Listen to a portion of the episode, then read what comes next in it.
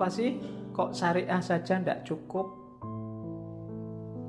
Ini kalimat yang sering disalahpahami orang.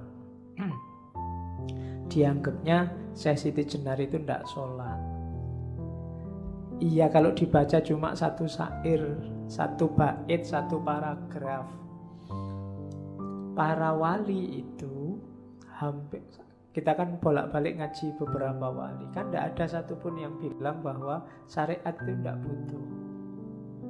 Bahkan dalam 24 jam kehidupan mereka itu kan banyak kisah-kisah mereka bolak-balik sholat puasa tidak berhenti-berhenti malam tidak pernah tidur.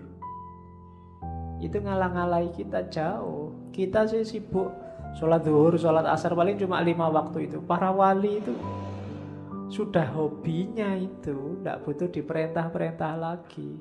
Puasa tiap hari zakat bahkan semua hartanya dikasih kalau ada yang minta.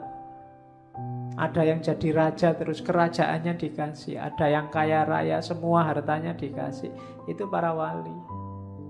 Jadi nggak usah dicek mereka sholat enggak ya zakat enggak ya puasa enggak ya. Oh itu sudah hobinya.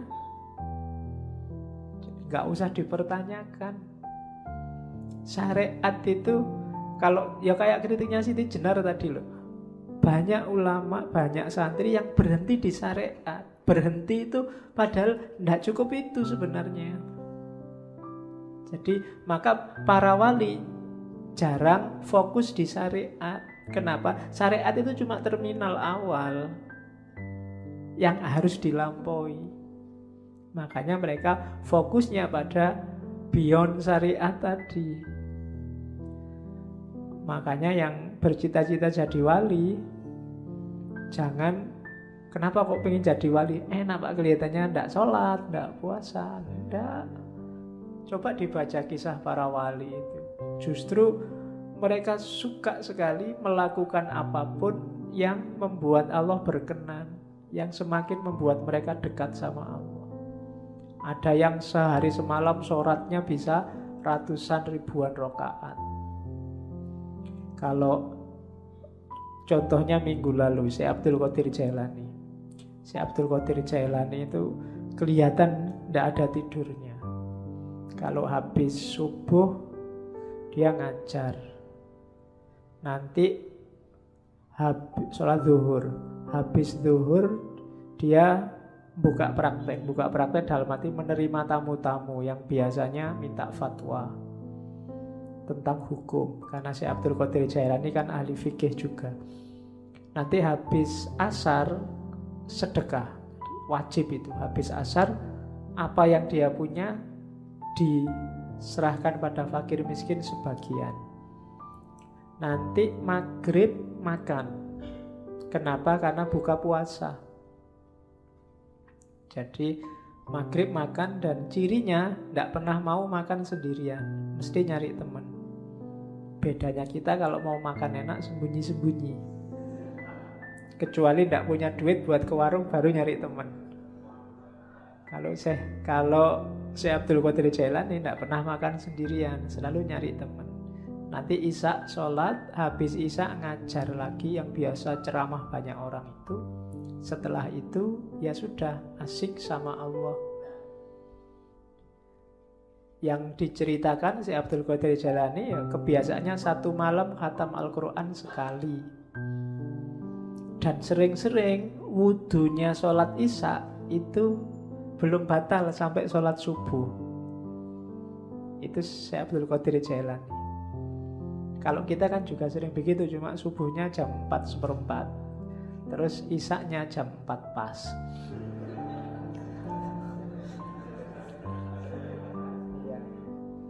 karena ketiduran. Oke. Nah, ini loh kritiknya Syekh Siti Jenar yang kesinggung jangan marah. Kan sekarang banyak orang marah-marah. Katanya Syekh Siti Jenar gini, sahadat, sholat, puasa itu sesuatu yang tidak diinginkan. Jadi tidak perlu. Ini kalimat ini trik. Siapa yang tidak menginginkan? Kita kita itu diperintahkan kelihatannya berat Kalau ada bonus seneng. Ya kan? Ini boleh dijamak ya Pak, boleh dikosong, boleh, wah lumayan. Itu kan alamat masih beban luar biasa.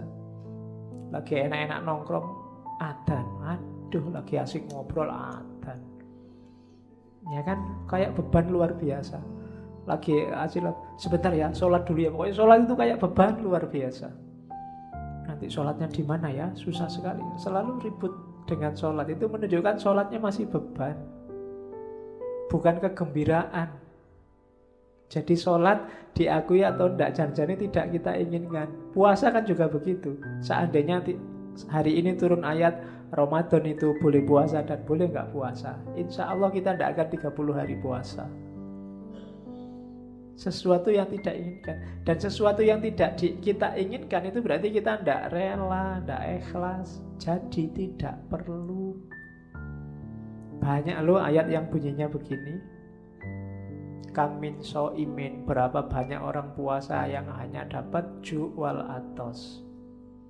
Dia nggak dapat apa-apa cuma dapat lapar dan haus saja. Itu bahasa jelas jadi tidak perlu ngapain lapar-lapar nggak dapat apa-apa banyak yang sholat nggak dapat apa-apa, cuma dapat capeknya saja. Beberapa hadis ada yang bunyinya semacam itu. Itu sebenarnya senada dengan kalimat ini. Sahadat, sholat, puasa itu tidak diinginkan, jadi tidak perlu. Wong terpaksa semua. Mana ada nilai perbuatan yang terpaksa? Kejahatan pun kalau dipaksa kan tidak bisa dihukum orangnya. Kenapa kok kamu memperkosa? Saya diancam ya pak, kalau nggak memperkosa dibunuh saya. Nah, itu kan dia tidak bisa disalahkan, wong diancam. Terpaksa, ya terpaksa pak, gimana lagi? Oke, yang kedua, ada pun zakat naik haji ke Mekah itu palsu semua. Kenapa yang zakat dan haji disebut palsu? Karena sering kali jadi media untuk pamer. Itu kan haji itu kan kadang-kadang jadi media pamer yang luar biasa. Sudah haji pak? Sudah. Wah bagus sudah haji. Ada hanya itu kan beda sudah. Di depan ya kan? Ha siapa? Waduh luar biasa. Makanya besok kalau punya anak kasih nama haji dulu di depannya biar aman dia sudah haji duluan. Zakat juga begitu. Ajang pamer ajang. Makanya disebut wus palson kabe sudah palsu semua. Sudah palsu itu berarti dulunya nggak palsu sekarang kita yang bikin dia kayak palsu. Sama akhirnya nggak ada nilainya. Itu seluruhnya kedurjanaan budi penipuan terhadap sesama manusia. Kenapa yang ditipu sesama manusia? Ya Allah tidak mungkin ketipu. Yang ketipu kan manusia. Wah ini orang dermawan loh. Ini sudah haji mesti karakternya baik. Oh ini rajin ke masjid loh mesti orang baik. Yang ketipu manusia. Dan orang yang menipu manusia itu durjana budinya. Akhlaknya rusak. Orang-orang dungu yang mengikuti aulia karena diberi harapan surga di kelak kemudian hari. Itu sesungguhnya keduanya orang yang tidak tahu. Kebanyakan orang-orang semacam ini ya tidak ngerti ilmunya hanya ikut-ikutan. Sholat, jagat, puasa, haji ya yang lain Sholat ya sholat, yang lain jakat ya jakat, yang lain haji ya haji. Ilmunya tidak ngerti. Jadi ajang pamer pencitraan bahwa saya sudah religius loh, aku ini orang soleh loh dan seterusnya. Palsu semua. Nah, terus sesi Jenal bilang, lain halnya dengan saya, tidak pernah saya menuruti perintah Budi bersujud-sujud di masjid mengenakan jubah, pahalanya besok bila dahi sudah tebal, kepala berbelulang. Jadi maksudnya aku ndak mau pamer-pamer kayak gitu, menunjukkan aku ini lo wali, aku ini lo orang soleh, aku ini lo ustad Ya kan? Katanya si Diri enggak enggak mau saya pamer-pamer kayak gitu itu pamer dahi segala. Kan enggak ya ini enggak nyindir siapa. Kalimatnya memang begitu. Iya. Enggak itu bukan dahi hitam. Dahi menjadi tebal. Sudah kapalan di sini karena terlalu sering sujud. Nah, ya. Saya enggak tahu bahasa Indonesia-nya kapalan itu apa? Kapalan Kapalan kok di sini tidak enak ya, enaknya di kaki, jadi ke mana-mana naik kapal. Oke, sesungguhnya itu tidak masuk akal. Tidak usahlah mencitrakan dirimu lebih mulia, lebih alim, lebih soleh. Buat apa? Di dunia ini semua manusia sama.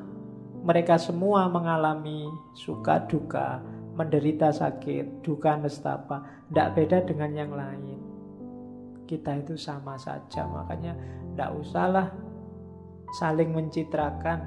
Oleh karena itu saya Siti Jenar hanya setia pada satu hal saja yaitu Gusti Zat Maulana. Saya hanya setia pada Allah saja. Tidak akan pada manusia.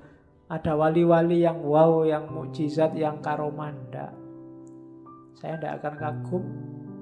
Dan aku juga tidak akan mencitrakan diriku menyombongkan diriku dan seterusnya. Jadi itulah titik-titik kepalsuannya.